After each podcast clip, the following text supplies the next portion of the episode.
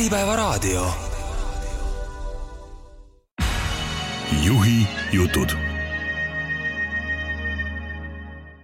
tervist, head kuulajad, kuulate saadet Tööandjate tund. tänases saates on mul külas Valdo Kalm, kes on Tallinna Sadama juht. tere tulemast saatesse. tere päevast.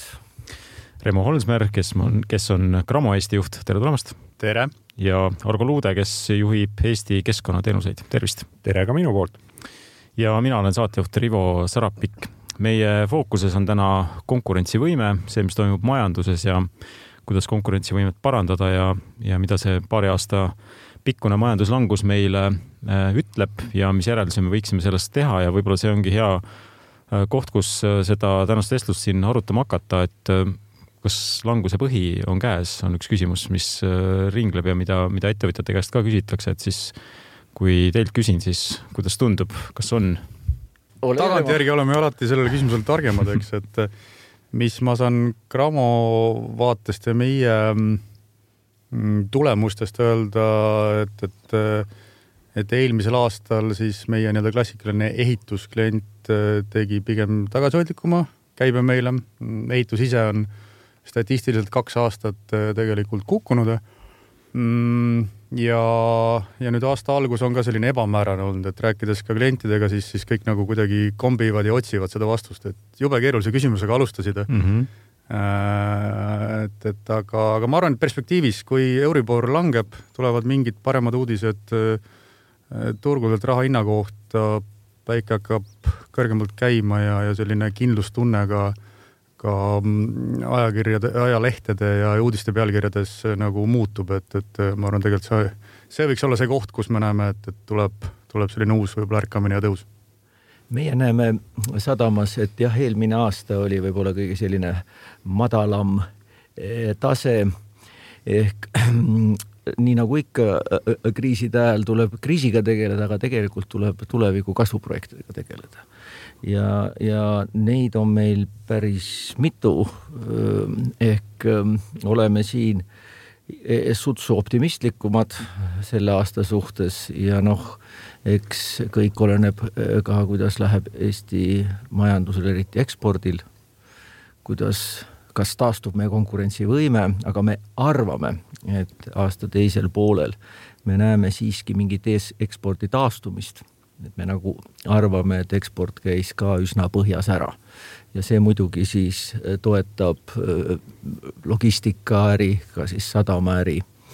Äh, seal taga on siis konteinerveod ja, ja, ja ro-ro, eks ole, et kui sa rohkem toodad, siis on rohkem vedada.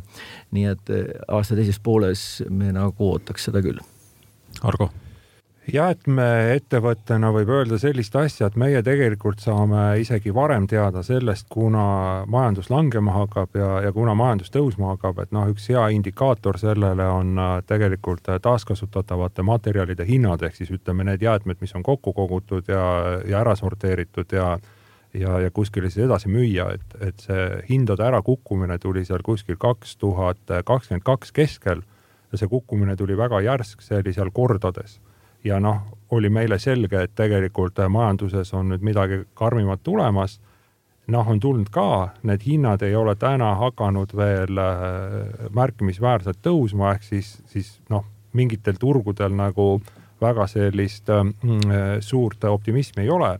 samas, kui tulla Eesti konteksti, siis tegelikult äh, noh, mõnes mõttes see majanduslangus on ka niisugune näiline, et, et ta on, ta on hästi sektoripõhine, eks ju et äh, kellelgi võib-olla on läinud kehvemini, eelkõige siin töötleval tööstusel, noh, puidutööstust teame. samas on sektoreid, kui ka näiteks uudiseid lugeda, kes äh, on teinud siin rekordhäid tulemusi. et tänagi, kui äh, oli jutt sellest, et Valga lihatööstuses juht vahetus, siis juht kinnitas, et nad on teinud superhea aasta, eks ju, noh, töötlev tööstus. et, et nii ta on et ega ma arvan, et niisugune keskmine Eesti inimene seda majanduslangust nii väga oma nahal ei tunne jah, et olgu täpsuse huvides siis öeldud, et see täna on kahekümne teine veebruar, kui me saadet salvestame ja kui see uudis äh, siis on, äh, on välja tulnud. inimene ei taju seda äh, langust niivõrd teravalt, võib-olla üldiselt, samas tööandjad ja ettevõtjad räägivad, et seis on ikkagi keeruline. kui nüüd vaadata sellele kriisile otsa, siis mis need järeldused on, mida võiks sellest teha? no ma arvan, et just praegu on tagumine aeg mõelda, õiget tagumine aeg mõelda oma konkurentsivõimele, jah, teha need järeldused. Ja nagu sai juba nimetatud, et tegelikult sa ka kriisi ajal tegeled kasvuprojektidega ehk ettevalmistusega järgmiseks perioodiks, et noh, sadama puhul see on tegelikult uude valdkonda minek nagu taastuvenergeetika, tuuleparkide ehitus ja, ja hooldus. nii et me oleme sinna investeerimas ja mõned muud projektid, aga järeldustest võib-olla ma tooksin kaks asja välja, mis tegelikult juhatab konkurentsivõimet ju sisse, eks ole. et sisendhinnad ja selge probleem energiahindadega. et see on väga tõsine konkurentsi küsimus ka. see näitas selles kriisis ka, et meie üks sisendhindadest ja üks olulisemaid, energia, on väga kallis. ja siin me ei saa ainult süüdistada sõda ja, ja EU direktiive, vaid me oleme olnud liiga aeglased taastuvenergeetika turule toomisega E, ja vajadus sellise roheenergia järele on väga suur, et, et äh, üks on siis sisendhind energia näol ja, ja teine on siis üldine konkurentsivõime, aga ma arvan, et sellest me võiksime rääkida, et mida siis teha veel kiiresti. et, et olla konkurentsivõimeline ja ots, otsida neid kasvuprojekte jah, seda arutame kohe, aga Remo ja, ja Argo, mis need järeldused on, mida peaks tööandjad või, või ka ettevõtjad, võib-olla ka poliitikakujundajad sellest äh, kriisist välja siis lugema? üks asi, mis on nagu hoopis teistmoodi, eks äh, selle eelmise kriisiga on, on see, et, et äh, pangad olid palju tugevamad, kinnisvaraarendajad on nagu palju paremini sellest kriisist kas väljunud või väljumas. ja, ja ilmselt see pankade teatav võib-olla tagasihoidlikkus ka laenude andmisel ja täiendavate puhvrite nõudmisel on, on seda põhjustanud, mis on, ma arvan, nagu hea ja tervendav olnud siis äh, teiseks nagu ettevõtte vaatest, ähm, et äh, noh, kriis alati forsseerib tegema ebamugavaid asju, eks, ja ja, ja tegelikult noh, mida me oleme teinud, et me oleme nagu vaadanud siis nii-öelda külgnevaid sektoreid, kuhu oma äri laiendada ja, ja, ja, ja jätkame seda ja, ja ma arvan, et see on nagu suure tõenäosusega nii nagu Valdo tegelikult ka rääkis, eks ju, et, et sadama näitele, kus investeeritakse äh, võib-olla kas täitsa uutesse valdkondadesse või siis noh, kuidagi oma põhiäriga seotud äridesse, eks, et ma arvan, et see, see noh, kas on järeldus igati nagu loogiline tegevus, kuhu ettevõtted on jõudnud? no mina tegelikult vaataks natukene tagasipoole, et me räägime siin kogu aeg kriis ja kriis, aga noh, tuleb meelde tuletada, et äh, mis siis tegelikult sündis. ehk siis ütleme, et pikki-pikki äh, aastaid, see on siis eelmisest päris majanduskriisist ju äh, trükiti raha juurde väga usinasti ja äh, kui ma siin õigesti mäletan, siis Euroliidus või Eurotsoonis pandi vist umbes triljon eurot aastas raha juurde. mis lõpus tõi kaasa selle, mis noh, põhimõtteliselt oli ka oodata, et kui raha juurde trükitakse, siis ühel hetkel inflatsioon lahti läheb ja inflatsioon, noh, võib-olla ütleme, see sõda ja need võimendasid, aga, aga no ütleme, et, et loogika on, et see inflatsioon lahti läheb ja mis siis juhtus, juhtus ju see, et keskpank hakkas tõstma intressi ehk tegelikult hakati seda ülemäärast rahamassi turu pealt ära korjama ja, ja, ja parkima siis seda raha kuhugile noh, ütleme turvalisematesse sadamatesse.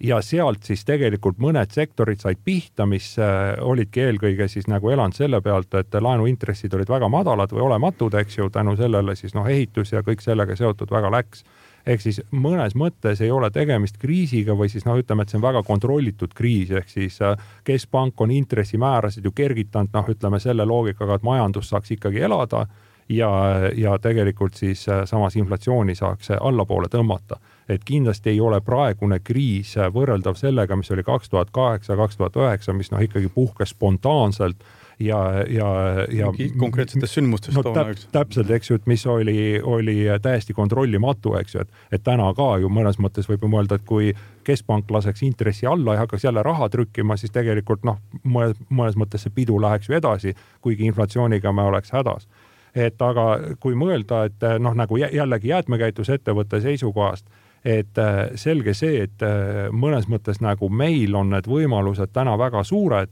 nüüd pigem see probleem on jah, et, et raha pakkumine on väga kehva ja, ja raske on neid võimalusi realiseerida, et just nimelt nagu saaks rohkem jäätmeid ringlusse, siis eh, noh, täna me ei ole ju enam seal, et võtame, korjame kuskilt paberi kokku ja teeme sellest uue paberi. et me tahame ringlusse võtta neid jäätmeid, mis on ju traditsiooniliselt läinud noh, ütleme kas põletamisse või prügilasse või, või noh, ütleme mingisugusel muul sellisel hästi madalal tasemel ära käideldud ja, ja see eeldab väga suuri investeeringuid kõrgtehnoloogilistesse tehastesse ja vot täna me seisame selle probleemi ees, et tegelikult ähm, nõudlus on olemas, aga rahastust ei saa. ja noh, siin nüüd, mis siis need õppetunnid on, eks need õppetunnid ongi see, et katsu siis ikka siis investeerida, kui sul raha kõvasti pakutakse, et, et raske on. aga töötajaid kui... on sul võtta või? Noh, ütleme, et eks need kõik kõik tulevad pärastpoole ja noh, loodame siis seda, et, et eks siin võib-olla siis ka kuidagi äh, noh, nagu ju on olnud siin laual, et võib-olla peab siis vaatama üle, et kui palju meil seda võõrtööjõudu riiki lubatakse ja, ja, ja erinevalt siis renditööjõudu ja mida iganes, et, et kindlasti tööjõud on probleem.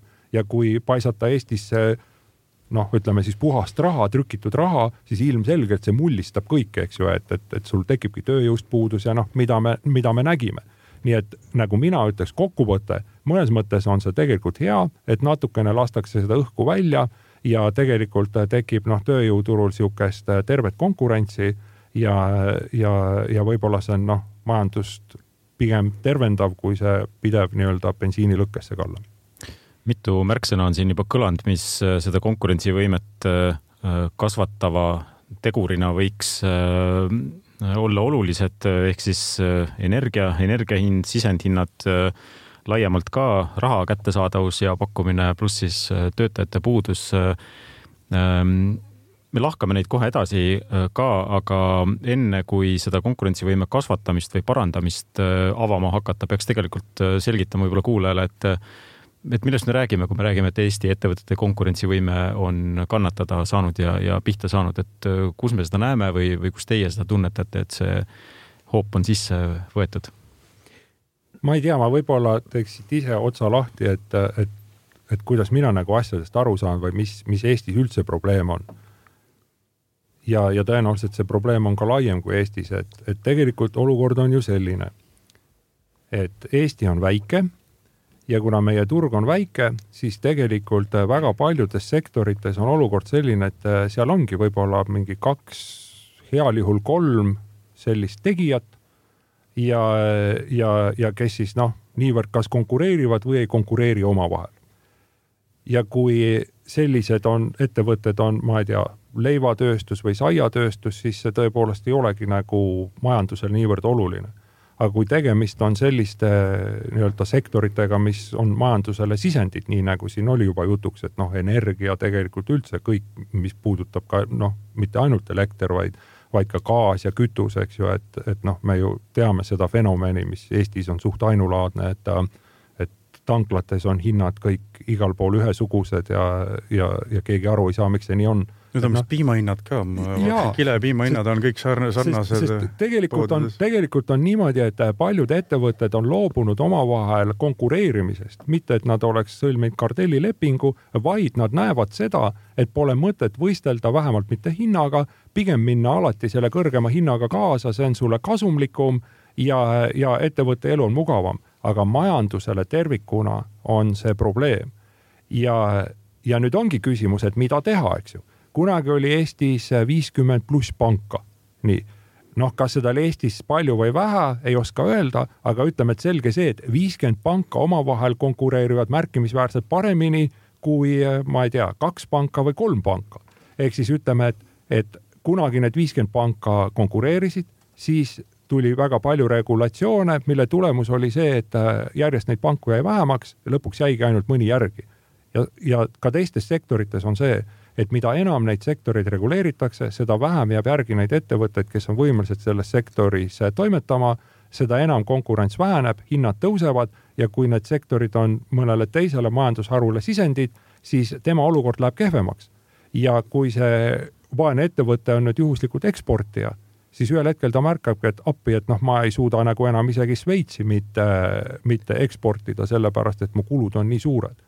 et kui Tartu trükikoda ütleb seda, et tema juurde tuleb klient ütleb niimoodi, et äh, mul on Norras odavam trükkida kui teie juures, siis see nagu tähendab, et midagi on Eestis selle konkurentsivõimega ikka tõsiselt valesti jah, nõus. Argo puudutas just neid sisendhindasid, eks ole.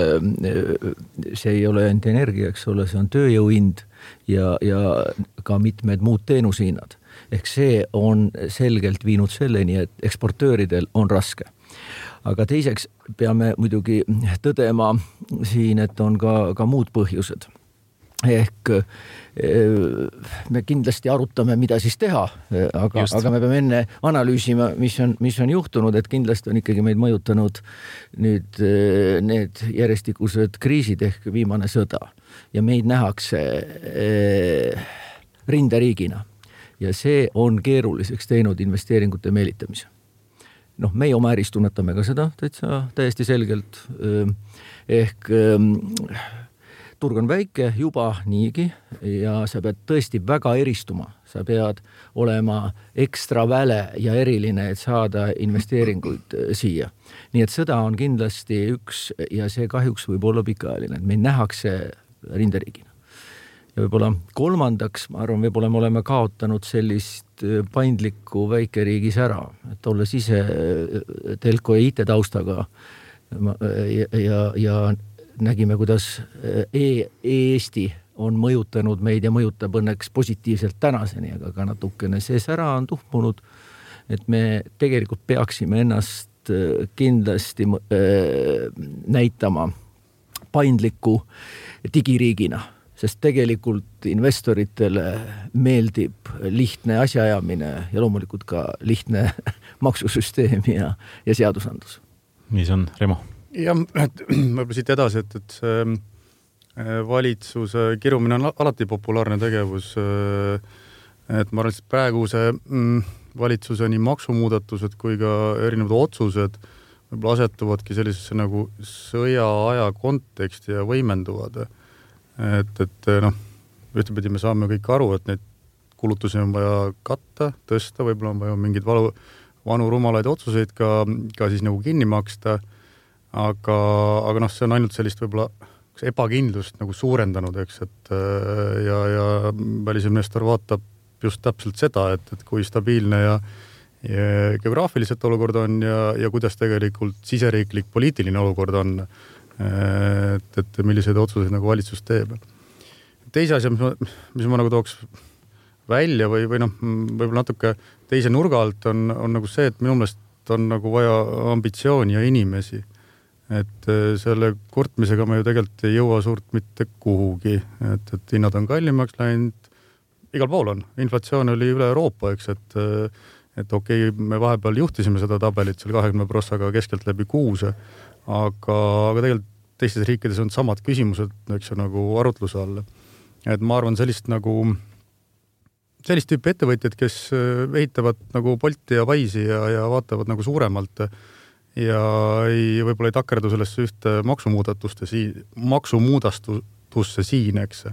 et äh, ma arvan, kui me seal ähm, ja seal isegi ei ole vaja sellist mingit abikätt, eks, et äh, ei riigi ega, vaid tegelikult on vaja nagu teha, eks et, et ma arvan, see on nagu meie, kuna me oleme nii väike, eks me siin rääkisime ennem ka kõik meie sisendhinnad kasvavad, see mõju, avaldab mõju rahakotile, eks. et noh, tegelikult meie ambitsioon peabki kuskil väljas olema, mitte siin sees üksteisele odavamalt või kallimalt asju nagu edasi müüa. ma, ma siin tegelikult äh, oponeeriks sulle, et äh, väga hea. tege-, ja just nimelt, et tegelikult äh, su jutu sisu on õige, aga see probleem, miks meil noh, siis ei tule niisuguseid, et, et tuleks mingi uus Bolt või teine, kolmas, neljas ja nii nagu Valdogi tõi siin välja, et see e-riik ja kõik hakkab tuhmuma. et noh, mina näen ise seda, et, et, et meie väikene Eesti, see upub regulatsioonide rägastikku. et võttes kasvõi seda, et kui me ise siin tegime hiljuti biogaasitehast, siis me noh, praktiliselt mingisugune kaks või peaaegu kolm aastat jaurasime erinevate lubade saamisega, see oli nimelt, see on nagu noh, kuul pähe üritus ja ongi selge, et see, see tegelikult peletab nagu hästi palju selliseid aktiivseid inimesi minema. et omal ajal, kui tuli nii-öelda see Taxify, millest kunagi nüüd Bolt sai, et siis olid nagu, nagu need, need olukorrad palju lihtsamad, sa said sellise asja ära teha, hakata tegema, toimetama nii ja naa, aga täna on ka need kõik ära reguleeritud, ehk siis kui sa tahad noh, jälle mingisuguse sellise ideega välja tulla, siis selgub, et noh, sa pead siit loa saama, selle käest nõusoleku saama, sealt kuskilt templi saama ja nii edasi, nii edasi. appikene, kui sa kuskile midagi ehitada tahad, siis on sul kohe nimbi ja banaana ja kõik, et noh, tehke kuhu iganes, aga mitte, mitte igal juhul mitte siia. ja, ja, ja see pärsib inimeste ettevõtlikkust.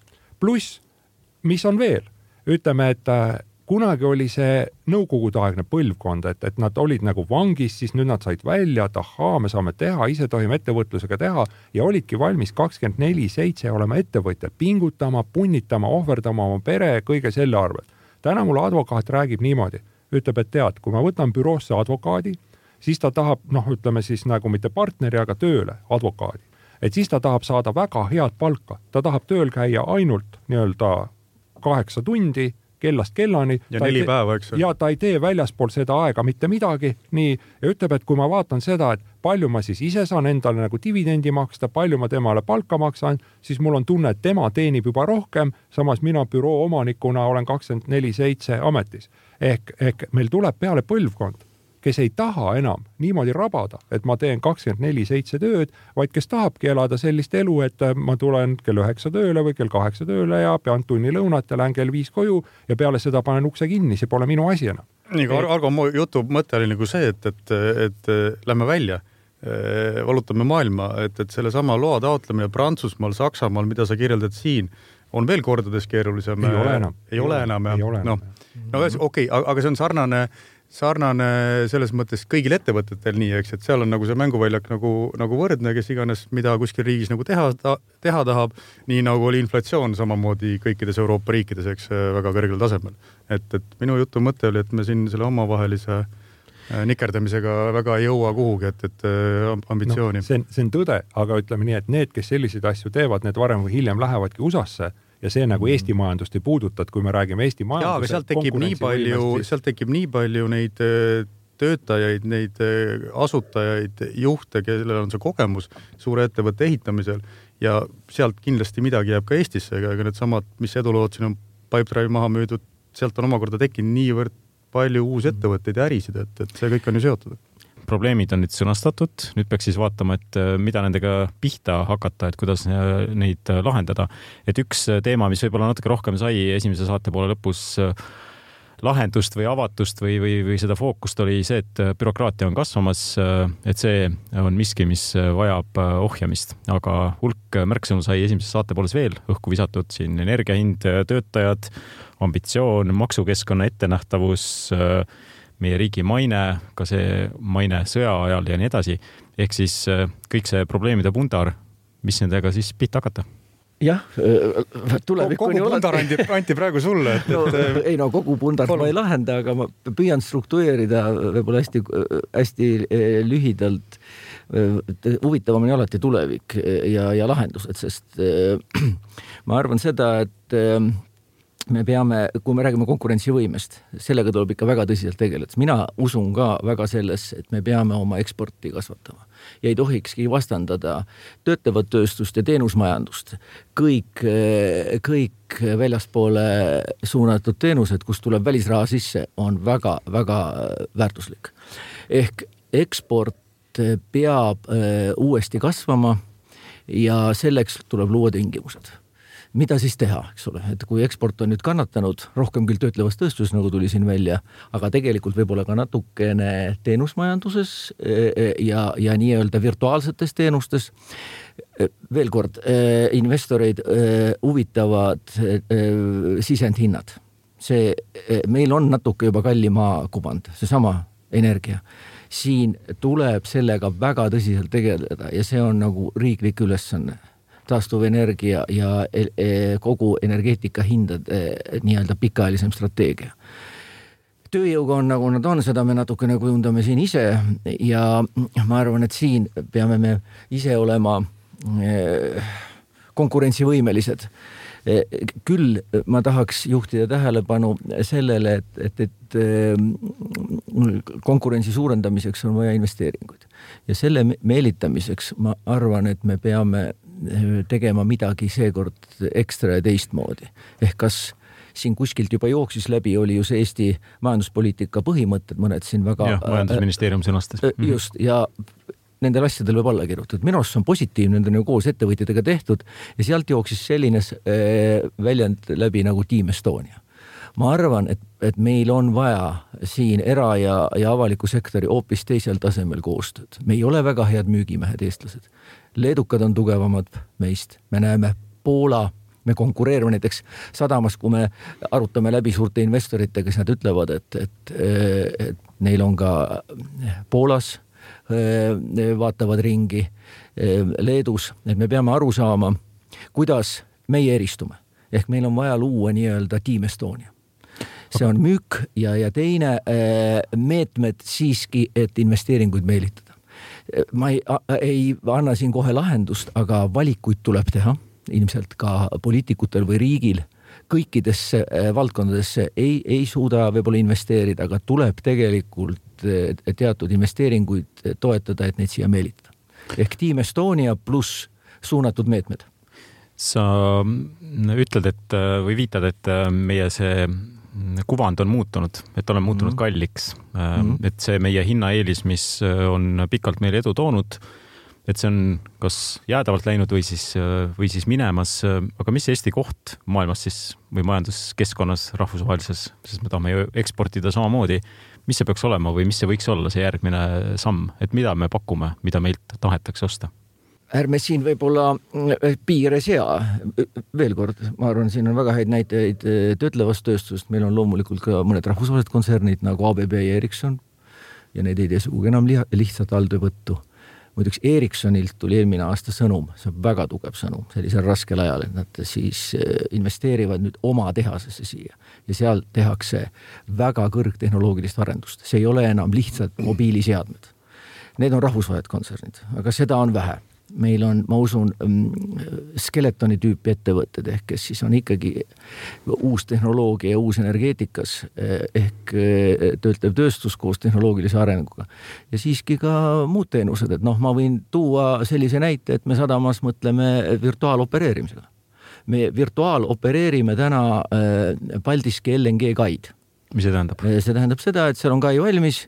me mm, ei oma seda kaid seda omab varude keskus, aga me opereerime seda ja seal ei ole ühtegi inimest. et sa, tehnika on juba nii kaugele arenenud, et sa kaamerate ja, ja screen idega teed selle kõik ära, et võid põhimõtteliselt peaaegu laevaga sillata niimoodi no muidugi otsad tuleb seal vastu võtta, aga kui seal automaatsildumisseadmeid ei ole, et see tähendab seda, et sa võid ka väga palju teenust pakkuda nii, et sa ei oma otsest asset'it või, või, või vara ehk selline teenus, teenusmajandus töötleva tööstuse kõrval ja, ja seda aitab tehnoloogia ja siit tulebki Eesti erisus, et meid ikkagi peetakse selliseks digitaalseks tehnoloogiamaaks, seda tuleb võimendada. ma arvan, et see, see on veel, see veel särab. aga seda tulebki veel võimendada. ja noh, sellest odavast tööjõumaast me oleme ammu ju läbi purjetanud, see, see on nii-öelda ajalugu ja sinna me tegelikult tagasi me, me ju tagasi ei, ei, ei taha ka min-, ei, taha, ei taha ka minna, eks, et ma arvan, see väljakutse ongi, ongi nagu kõrge lisandväärtusega töö ja teenused ja toode, mida me siin, siin teeme. ja noh, siin tegelikult korra käis küll läbi see tööjõu teema, aga ma arvan, et see on nagu ülioluline komponent, ehk siis, et me, me ei räägi siin ainult nagu väiksema sissetulekuga inimeste või siis välistööjõu sissetoomisest, vaid tegelikult nagu kõrge palgaga kvalifitseeritud väga tugevate spetsialistide siia toomisest ja märksa rohkem, kui me oleme seda seni teinud, et et ma arvan, et see on nagu noh, kas pääsetee või noh, see on üks lahendustest, kuidas me tegelikult nagu Valdo ka ütleb, eks väga õigesti, et kõrge tehnoloogilise ja sellise nagu digiriigi kuvandina ja, ja tegelikult heade ajalooliste näidetega ettevõtetest, mida on siin ehitatud, tegelikult suudamegi teha selle äh, mingi kas uue hüppe või, või noh, defineerida võib-olla meie Eestit kuidagi uuesti üles või uuesti, eks. et, et me olemegi see riik, kes teeb, kes ei ole odav, aga kes teeb nagu häid ja kvaliteetseid asju, mida, mida ülejäänud maailmal on vaja.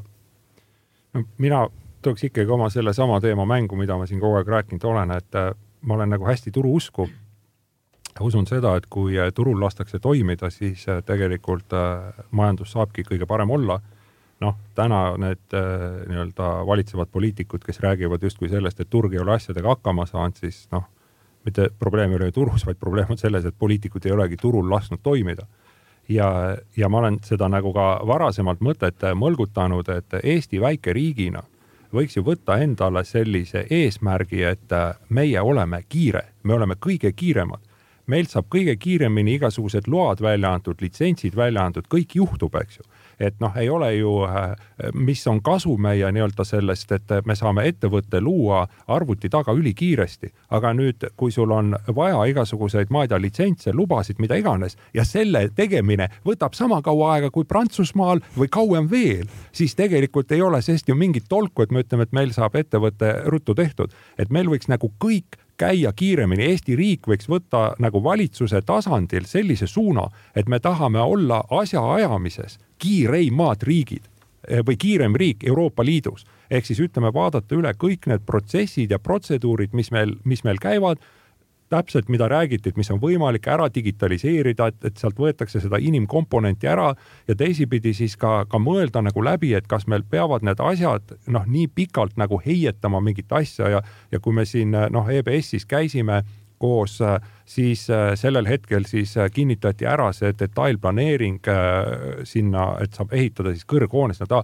seda aeti minu mälu mööda kaksteist aastat. no see ei ole ju normaalne, et kui me võtakski niimoodi, et planeeringud käivad kiiresti, load tulevad kiiresti, see käib kiiresti, siis see muudab ju jälle riiki atraktiivsemaks investorite jaoks. Nad ühel hetkel näevad niimoodi, vau, kuule, meil on Eestis maru lihtne teha, Prantsusmaal me teeme selle tehase valmis koos ettevalmistuse kõigega viis aastat. Eestis me teeme selle valmis viie kuuga piltlikult öeldes, teeme selle Eestisse. selle aja peale, kui meil Prantsusmaal tehas valmis saaks, me oleme Eestis neli pool aastat juba seda tehast nii-öelda run inud ja, ja see võiks olla see siht, kuhu me suundume täna mul on tunne, et me lähme täpselt vastupidi, et meil käivad asjad aeglasemalt kui Soomes või Itaalias või Prantsusmaal saab kiiresti ootama minna, nii-öelda on Eesti see stiil praegu. ma Valdo. täitsa toetan äh, Argot, see äh, äh, tegelikult korreleerub meie jutuga, mis me siin kolmekesi räägime, et see on väle digitaalne riik, sest tõesti, see näide on Argol hea, eks ole, et sa võid ju ettevõtte väga kiirelt registreerida, ole, olenemata isegi siin alguses kodanik, aga pärastised protsessid üks, ükskõik e, e, mis laadi need protsessid on ikkagi äärmiselt aeglasest muutunud ja, ja kui nad on aeglasemad kui suurriikides juba ja nad on, nad on Soomest aeglasemad. Detailplaneeringud ja need on tänaseks e, oluliselt aeglasemad juba kui heas vanas Skandinaavias ja see tegelikult ei ole normaalne. nii et kui võtta suund ja võimendada seda, kus me juba oleme tugevad, eks ole, see Eesti ja lisada sinna eh, eh, kiire menetlus taha, siis see on ju see, mida tegelikult investor ka ootab. Eh, seda ta lausa naudib, eks ole olen äh, pannud kirja esimesest saate poolest ka selle maine, ehk siis äh, me asume ühe, ühe teatud riigi kõrval, meil on selline naaber, nagu see on. mis me sellega teha saame üldse, kas üldse midagi? et, äh, et me oleks ikkagi ka välisinvestorile atraktiivne, et ta ei vaataks seda esimese asjana, et oleme siin. geograafiliselt ju ei saa midagi teha, fakt. punkt kaks, ma arvan, et see, mis nüüd viimastel kuudel nagu toimunud on äh, Ameerikas selle abi eh, viivitamisega, siis tegelikult mina vaataks seda kui eh, head äratuskella kogu Euroopale. ja kui nüüd Euroopa riigid ennast kokku ei võta, siis nad võiks tegelikult aru saada, mis siis juhtub. nii et selles ja Euroopa geograafiliselt ei lähe ka kuhugi, et selles mõttes see jääb ka faktiks, eks, et et, et mina võtaks seda niipidi ja tugevdaks ennast, tugevdaks Euroopat ja, ja siis loodetavasti see avaldab ka sellist nagu geopoliitilist mõju, mille, mille tulemusel siis see naabri teema nagu perspektiivis võiks ära kaduda. mina vaataks seda, seda hoopis natuke teise, teise Näe, pilguga. vaat kui hea, me oleme ikkagi erinevad, et super, noh. kui, kuigi ütleme, et see kõik, mis sa rääkisid, see on õige, aga ma ta-, ma tahtsin nagu siia selle noodi sisse tuua, et kui me võtame sellesama Venemaa, mis ju on nagu, nagu puuslik, eks ju nii, ja täna peab seal sõda ja nii edasi, nii edasi. sa ütlesid ikka eriti viisakalt. just ja, ja, ja ometigi küll lähevad need lääne investorid sinna börsile investeerima, küll lähevad nad äh, seal mingisugust kaubavahetust pidama, ostavad sealt kütet läbi teiste riikide, ka Eesti ettevõtted, paljud, eks ju, ikkagi peavad Venemaaga äri, noh, läbi teiste riikide ja nii edasi. noh, miks, eks ju, et äh, nad ikkagi saavad sealt mingit raha ja see on, see on nende jaoks oluline ja noh, see riigi maine ei ole neile, neile nii oluline. ehk siit tagasi tulles see, et me oleme selle naabri kõrval, õige, me midagi teha ei saa, aga kui me saame sellise maine, nagu ma siin rääkisin, et meil käivad asjad kiiresti, asjad juhtuvad, eks ju, siin on võimalik ka normaalselt stabiilses keskkonnas äri teha ja nii edasi, küll need investorid tulevad, et ega, ega lõpuks investoril on ikkagi see, et kui ta näeb, et on võimalik kasvatada oma varandust, siis ta tahab seda teha. ta läheb ju Venemaale ka, eks ju, miks ta siis Eestisse ei tule, meil ju noh, on ikkagi hoopis teistsugune elu võrreldes Venemaaga et ma, ma arvan, et see on võib-olla mõne mõtte, mõnes mõttes natukene ületähtsustatud. jah, võib-olla on mingi hulk investoreid, kelle see on ära ehmatanud ja nii edasi, aga pigem ma ütleks niimoodi, mida me ise oleme siin, siin nüüd raha kaasamiste puhul kuulnud et ikkagi need Euroopa investorid ütlevad täna seda, et tead, me koduturult teenime täna nii hästi et meil ei ole mõtet minna välja Ida-Euroopasse, eks ju, kuskil hakata seal mingisuguseid projekte hindama, me saame kodust ka, eks ju. nüüd ühel hetkel, kui, kui kodu, kodus jällegi see kasumlikkus langeb, noh, küll siis hakatakse vaatama kaugemale. siin viimasel ajal on jooksnud ju ka läbi, et õpime Iisraelist. ehk äh, seal ei ole ju investeeringud vähenenud, pigem on suurenenud. ehk äh, järelikult tuleb äh, kujundada mingisugune hoiak, olla ise enesekindlam eks ole, ja öelda, et me oleme väga hästi kaitstud me saame veel paremini kaitstud, eks ole, ja, ja õppida siis, kuidas Iisrael on, on investeeringute meelitamisega hakkama saanud, eks ole. veel üks märksõna esimesest äh, sellest saate pooltunnist, kus me neid probleeme kirjeldasime, äh, puudutab siis äh, sellist ettenähtavust ehk siis maksud, seadused, õigusselgus, õiguskindlus mida sellest äh, arvata, et äh, läinud aasta tõi palju uudiseid maksude rindelt. Äh, kas see rahu tundub praegu olevat majas või, või see keskkond on ikkagi selline, et ei tea, mis, mis meid ees ootab? Pole vist lõppenud või no,? tundub, et see protsess ju käib edasi ra. rahu ju ei ole, sest äh, siin uudiseid lugedes räägitakse, et tegelikult on mingisugune suisa miljard veel kuskilt puudu, eks ju, peale seda, kui kõik need automaksud, käibemaksud ja need on kõik kokku korjatud noh, ettevõtjana loomu.... ega automaksu ei ole ju tehtud minu teada. ei, ei no ütleme mm. nii, et kui, kui see on ära tehtud ja kokku korjatud, siis ikka veel on kuskil mm -hmm. mingi miljard puudu. Aga et, et ettevõtjana jällegi loomulikult see, see keskkonna stabiilsus on oluline, et sa saad äh, aru, kuidas ja mismoodi asjad toimivad ettevõtjad saavad ka aru sellest, et loomulikult riik tõstab makse, on varemgi tõstnud ja ega selle tõttu ei jää siis mingid asjad tegemata.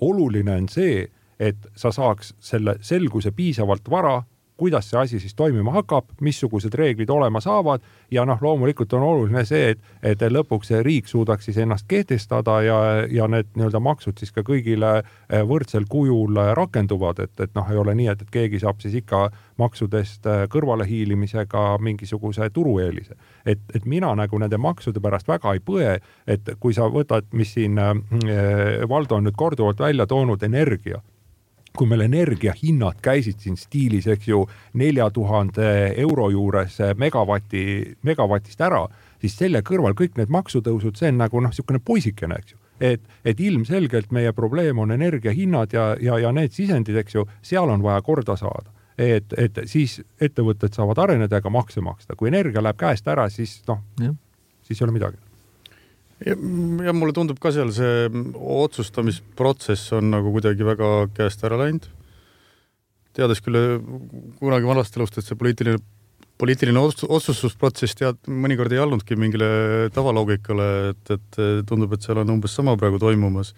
aga, aga tegelikult on nagu pigem, pigem ka ma olen nõus, et, et need maksud ei tapa ettevõttes, ettevõtteid, äri tegemata ei jää, kui, kui tahetakse teha aga, aga jah, selgus on nagu see, mida, mida tegelikult kõige rohkem nagu tahaks saada ja võimalikult siis pikalt ette, eks.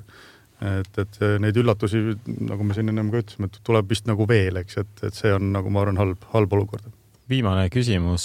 Äh, mm, seda võiks siis äh, vaadata nagu soovitusena või, või mõttena äh, kuulajatele, kus teie fookus nüüd eesoleval aastal on, mis te teete, et teie enda ettevõtte konkurentsivõime oleks parem aasta pärast, kui, kui ta on täna?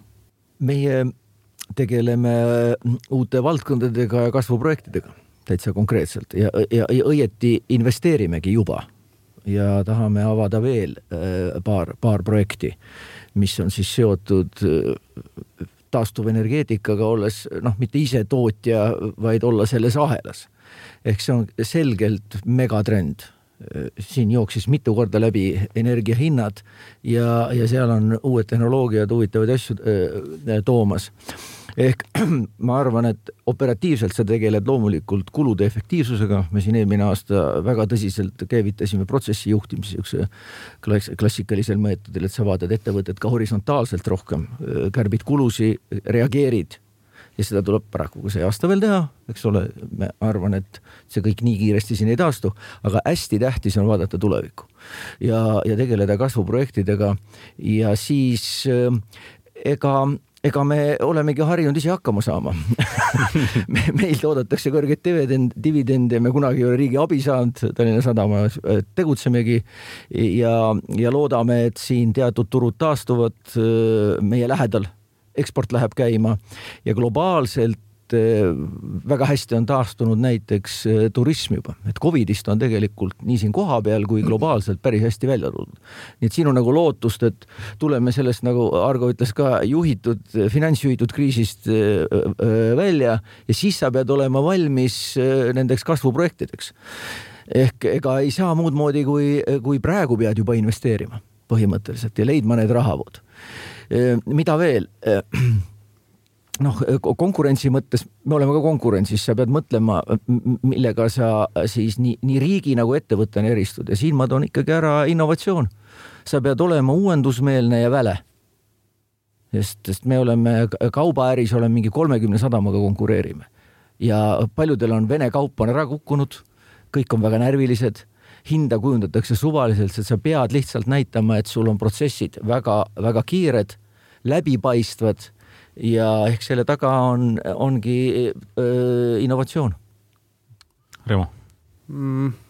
Cramo näitel, et võib-olla lühiajaliselt, millega oleme tegelenud ja tegeleme edasi, on kulud, kulude juhtimine, nende kontrolli all hoidmine, siis teiseks valmistumine tegelikult uueks tõusuks, ehitus on äh, langenud siin kaheksa kvartalit järjest, lõputult see kesta ei saa, seda on ajalugu näidanud, et langusele järgneb tõus, ehk siis me valmistume selleks, oleme, et me oleksime piisavalt mm, investeerinud selleks olukorraks. Ja kolmandaks laieneme külgnevatesse siis äridesse, et, et see kõik paralleelselt kokku, et nii me vaatame seda aastat Argo. nii ja keskkonnateenuste poole pealt äh, enam-vähem sama seis nagu siin eelkõnelejad, et äh, üritame siis äh, praegu ots otsaga kokku tulla, et, et suudaks oma arved ära maksta. Ja, ja kuigi tõesti finantsturud, turgudelt raha saamine on täna suhteliselt keeruline, siis ikkagi tegeleme sellega, et valmistada need uued projektid ette, mis noh, seda ringmajandust otseselt puudutavad. Tahame rohkem logistikaettevõttest saada käitlusettevõtteks, kus siis jäätmetele lisaväärtust antakse. Ja sellel, see tähendab siis seda, et, et Eestisse tuleb nii, nii, nii mõnigi uus tehas teha. aga noh, selle kõigega tuleb vaeva näha, et see on see, mis me siis täna teeme hästi, aga see on vast äh, optimistlikum noot kui see, kust me saadet alustasime. Argo teeb tehase, see on ju super. just, kus äh, meie vestlus äh, kokku võtta Tööandjate tunnis olid täna kõnelemas Argo Luude, Eesti Keskkonnateenuste juht, aitäh, et sa saatesse tulid. aitäh.